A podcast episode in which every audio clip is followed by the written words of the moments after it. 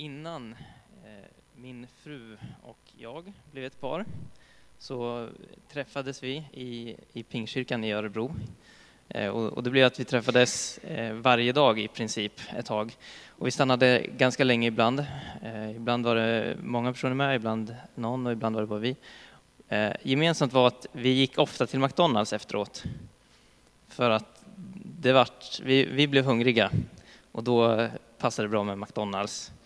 Eh, det var nära kyrkan, det gick snabbt, smidigt, vi visste vad vi skulle få. Så på alla sätt så var det ett väldigt säkert kort. Och jag vet inte hur det är med er, men i min familj så har det också varit så mycket McDonalds om man är ute och reser eller om man flyttar så, så blir det lätt McDonalds. Eh, och någon av er kanske tänker så här, Max är mycket godare eller Burger King är mycket godare och det är en annan diskussion. Eh, men, men gemensamt så tänker jag att vi åker lätt till snabbmatsrestauranger och hamburgerrestauranger är förstahandsval för väldigt många av oss som sitter här idag.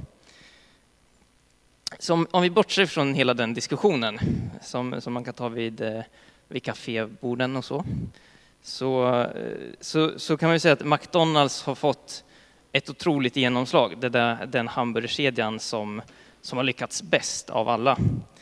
Eh, och McDonalds M har nästan blivit en, en symbol för globalisering.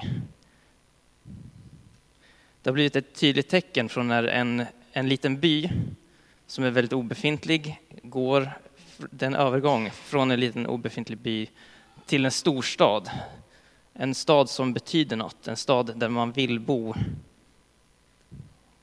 Och det finns en berättelse från eh, eh en, det, det, handlar om en, en pojke som är i Jerusalem när den allra första McDonalds-restaurangen invigs där.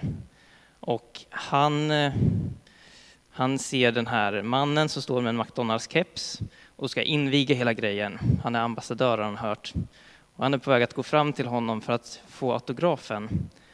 Men när han närmar sig där så får han höra att det här är USAs ambassadör, inte McDonalds ambassadör. Så då väljer han att gå tillbaka till sina föräldrar. Det är inte intressant. Vem vill ha USAs ambassadörs autograf? Och den här berättelsen återberättar George Ritzer, som är en amerikansk sociolog, i sin bok eh, The McDonaldization of Society, alltså samhällets McDonaldisering. Och det här ska vara en, en sann berättelse, som jag förstår det. Och den här författaren menar att världen har blivit präglad av den här snabbmatsrestaurangens kultur. Och att de har fyra stycken eh, principer som allt mer blir vanligare i hela samhället och som har blivit förväntningar och grundpelare. Och de är effektivitet, mätbarhet, förutsägbarhet och kontroll. En McDonalds-restaurang ska vara effektiv och eh, resultatet ska vara mätbart. Och det ska gå att avgöra om man kan effektivisera ännu mera. Och de uppgifter som de som är anställda ska få ska vara få och enkla. Och det som kunderna köper ska alltid vara identiska. Om ni sett en en, en cheeseburgare så, så, väger de exakt lika mycket. De har ganska så exakt samma saker på. Och det är för att när du kommer till, till McDonalds så ska det vara förutsägbart vad du ska få. Och likaså så ska uppgifterna vara förutsägbara för den som är anställd. Och det ger både de anställda och vi som kunder känslan av kontroll. Allt är ju förutsägbart när du kommer dit, du har kontrollen. Och han menar nu att de här fyra principerna har blivit som en mall för hela världen. Och företag och människor vill ju effektivisera sin tid för att nå sina mål och då börjar vi tycka att mätbarheten i sig är en viktig sak för att kunna avgöra om effektiviteten lönar sig eller inte. Eller om vi måste justera någonting i livet eller på jobbet för att kunna nå de målen. Och samtidigt blir det då allt viktigare att ingenting oförutsägbart ska ske som kan rubba vare sig effektiviteten eller mätbarheten. Vi vill ha fullständig kontroll över tillvaron. Och det här sker i alla områden i livet, arbete, fritid och till och med liv och död. Ständigt finns de här principerna runt omkring oss, effektivitet, mätbarhet, förutsägbarhet och kontroll. Oavsett om vi accepterar hela den här tanken om att det kommer från McDonalds eller om det kommer från Max eller vad det nu än gör, så tänker jag att vi, vi kan nog alla se det, att vi längtar mer, efter, mer och mer efter effektivitet, mätbarhet, kontroll och så. Och just nu är vi inne i en predikoserie om heliga vanor. Vad är en helig vana? Är det vanan i sig som är helig? Är det jag som är helig för att jag utför vanan? Eller blir jag helig av att utföra en helig vana? Och där tänker jag på Paulus som ofta adresserar sina brev till de heliga. Och han både pratar om att vi som är kristna, vi som följer Kristus, vi är kallade till att vara heliga. Att ett kall, någonting vi ska till. Och samtidigt så pratar han också om att vi har blivit heliga i Kristus och den heliga anden. Så det verkar vara både och där. Och ordet helig betyder avskild. Och det är för Gud som vi är avskilda. Och där tänker jag att poängen är inte att vi ska avskilja oss ifrån världen bara, utan att vi ska avskilja oss till Gud, komma närmare honom. Och sätta honom främst i våra liv. Och ett av de främsta sätten att göra det är ju att be. Så på ett sätt så kan jag tänka att den mest heliga vanan kanske kan vara att samtala med Gud och umgås med Gud, att be. Och en helig vana måste utgå från vardagen, tänker jag. På jobbet, skolan, fritiden eller hemma vid matbordet. Om jag till exempel eh, samtalade med Isabelle, min fru, en gång i veckan bara, så kan man undra, hade den relationen funkat?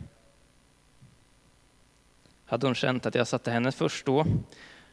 Eller om vi inte hade varit i Pingstkyrkan så ofta och gått till McDonalds så regelbundet, eh, så kan man undra om vi hade byggt upp den här relationen vi fick. Och man kan också fundera på om vi hade förstått varandras intresse. Och förmodligen är svaret nej på det, tänker jag. För man måste ses, umgås och samtala med varandra. Både prata och lyssna regelbundet. Och likadant är det med relationen med Gud. Den relation som måste bygga på det vardagliga livet. Man måste umgås och samtala. Och relationen måste ta hand om ofta. Och oftare än att man ber en bön i kyrkan en gång i veckan eller den där gången som man har hamnat i knipa. Vi måste prata med Gud och lyssna regelbundet. Det är först då som jag tänker att vi vårdar den relationen. Och i det självcentrerande samhälle som vi lever i idag så tror jag att många tänker att bön egentligen handlar om att berätta för Gud vad jag behöver så att han kan tillgodose de behoven jag har. Men jag tänker mer att grejen med heliga vanor överlag, det är att de förändrar oss. Inte situationen eller tillvaron. Vi behöver heliga vanor för att själva förändras, inte bara för att tillvaron runt omkring oss ska ändras. Och samtidigt så får vi inte reducera det enbart till det, för det är tydligt att i Bibeln att bön är så mycket mer än det också. Men hur känner du inför tanken att göra sånt som är ineffektivt? Sånt som lämnar ifrån dig din kontroll till någon annan. Som är helt oförutsägbart och omätbart. Det är en ganska jobbig tanke va? Och det är du inte ensam om att känna. Det är ganska naturligt med tanke på hur effektivitet och alla de här tankarna har blivit präglade i hela samhället. Och det är inte heller konstigt att man ibland saknar lusten att be, att det känns tungt och trist och långt borta. Även kung David i Saltaren verkar känna sig tyngd och övergiven av Gud som känns långt borta eller som kanske inte bryr sig. I Saltaren 22, vers 2-3 så står det så här. Min Gud, min Gud, varför har du övergivit mig? Jag ropar förtvivlat, men du är långt borta. Min Gud, jag ropar om dagen, men du svarar inte. Jag ropar om natten, men finner ingen ro. Och även Jesus ropar samma ord som David använde när han hänger på korset. Min Gud, min Gud, varför har du övergivit mig? Men istället för att strunta i att be så ropar Jesus till Gud, han vänder sig till Gud. Och David, istället för att strunta i att be, så skriver han en sång och sjunger till Gud. Och man skulle kunna se det som någon slags verktyg eller vanor som de har. Som underlättar när man inte orkar be. Och när något har blivit en vana så går det automatiskt. Man behöver inte tänka, man behöver inte anstränga sig, utan det är något naturligt. Och att forma heliga bönevanor kräver tre saker, tänker jag. Och det första är beslutsamhet. Det andra är tålamod och det tredje är nåd. Beslutsamheten att faktiskt börja be och försöka att skapa vanor som ska ske naturligt. Tålamod att låta tiden gå och låta bönetillfällena omvandlas eller förvandlas till någonting som sker automatiskt, något som blir självklart och naturligt i livet istället för ansträngande och krävande. Och nåd över de tillfällen du faktiskt glömmer att be eller väljer att inte be. För det kan hända alla, speciellt innan det har blivit en vana. Gud lyssnar och bryr sig om våra böner. I Lukas evangeliet kapitel 11, vers 5-10 så säger Jesus Tänk er att någon av er går till en vän mitt i natten och säger Kära vän, låna mig tre bröd. En god vän som är på resa har kommit hem till mig och jag har ingenting att bjuda på. Då kanske han säger där inne Lämna mig i fred, dörren är redan låst och jag har barnen hos mig i sängen. Jag kan inte stiga upp och ge dig något. Men jag säger er, även om man inte stiger upp och ger honom något för vänskapens skull, så gör han det därför att den andra är så påträngande och han ger honom allt vad han behöver. Därför säger jag er, be så ska ni få, sök så ska ni finna, bulta så ska dörren öppnas. Till den som ber han får, och den som söker han finner, och för den som bultar ska dörren öppnas. Och jag tror att Jesus säger det här lite med glimten i ögat. Jag tänker att han är lite rolig och, och, och, att han egentligen tänker att ja, men, jag tror det är klart att Gud bryr sig. Men om du inte tror att Gud bryr sig, så bulta för till slut kommer han ge sig ändå. Och poängen, hela poängen tänker jag oavsett är att Jesus vill att vi ska räkna med att Gud hör våra böner och att det gör skillnad att be och att vi inte ska ge upp. Och just därför så tänker jag att det är viktigt att vi då och då funderar på vilka verktyg som vi har i våra liv och vilka vanor vi har som underlättar i vårt böneliv. Och det jag kommer säga nu är sånt som eh, på sätt och vis är väldigt grundligt, men som jag ändå tänker att vi måste påminnas om och fundera på och reflektera för att kunna förändra och förbättra vårt böneliv.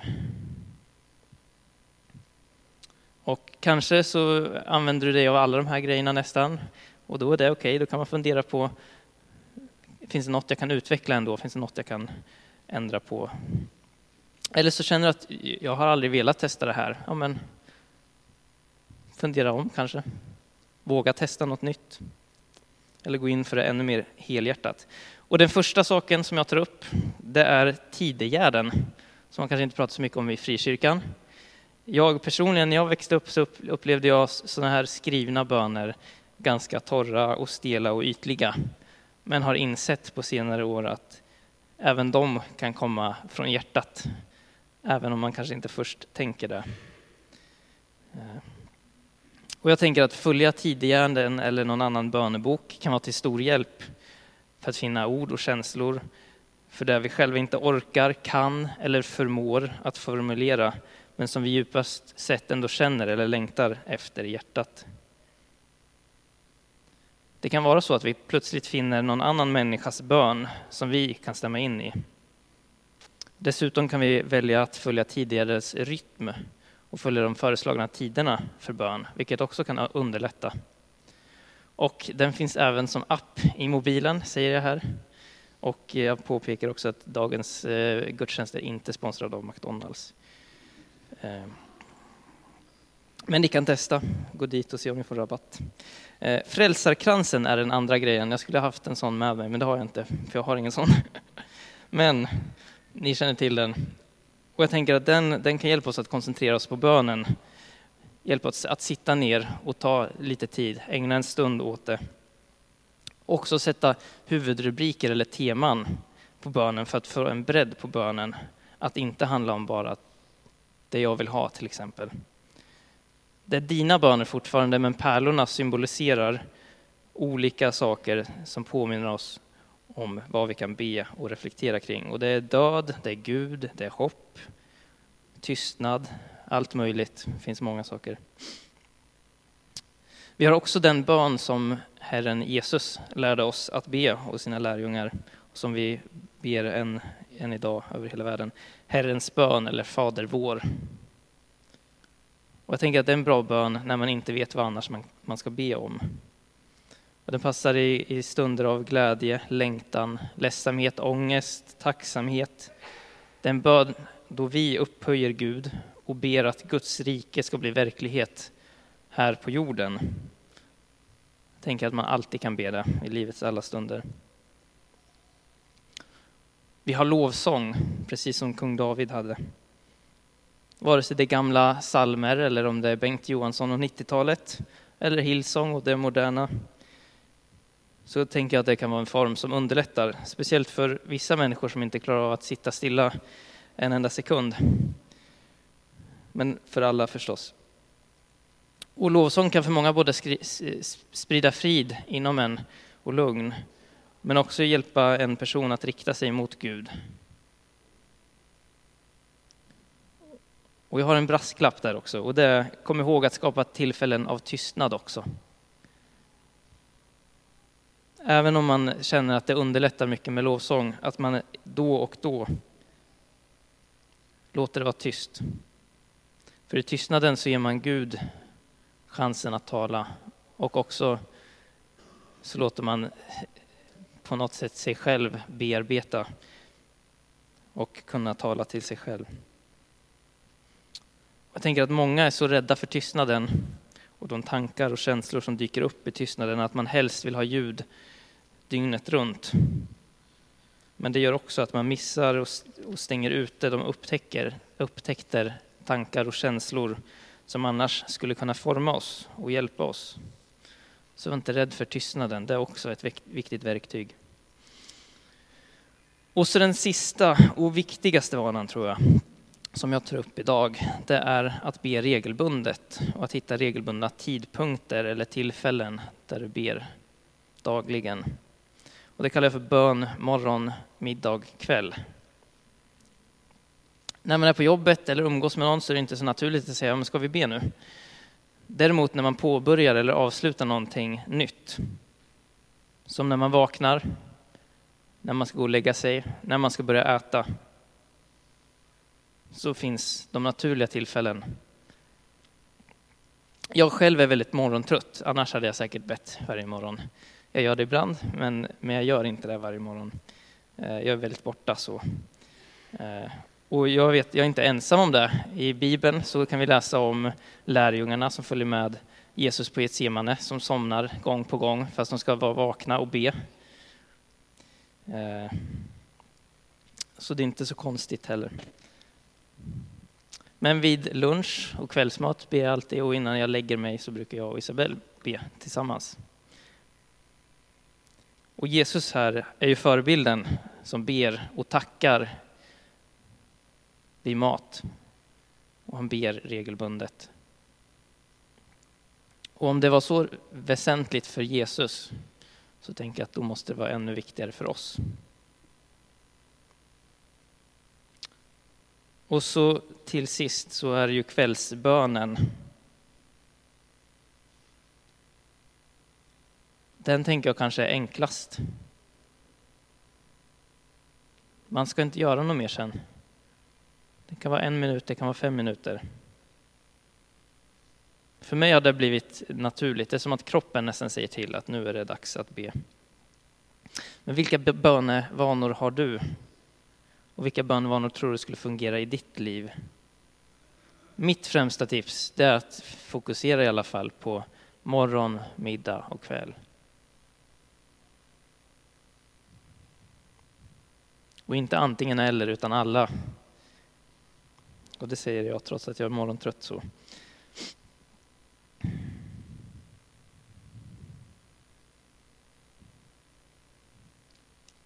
Och det här är väldigt grundläggande saker, men jag tänker att man måste börja i det enkla.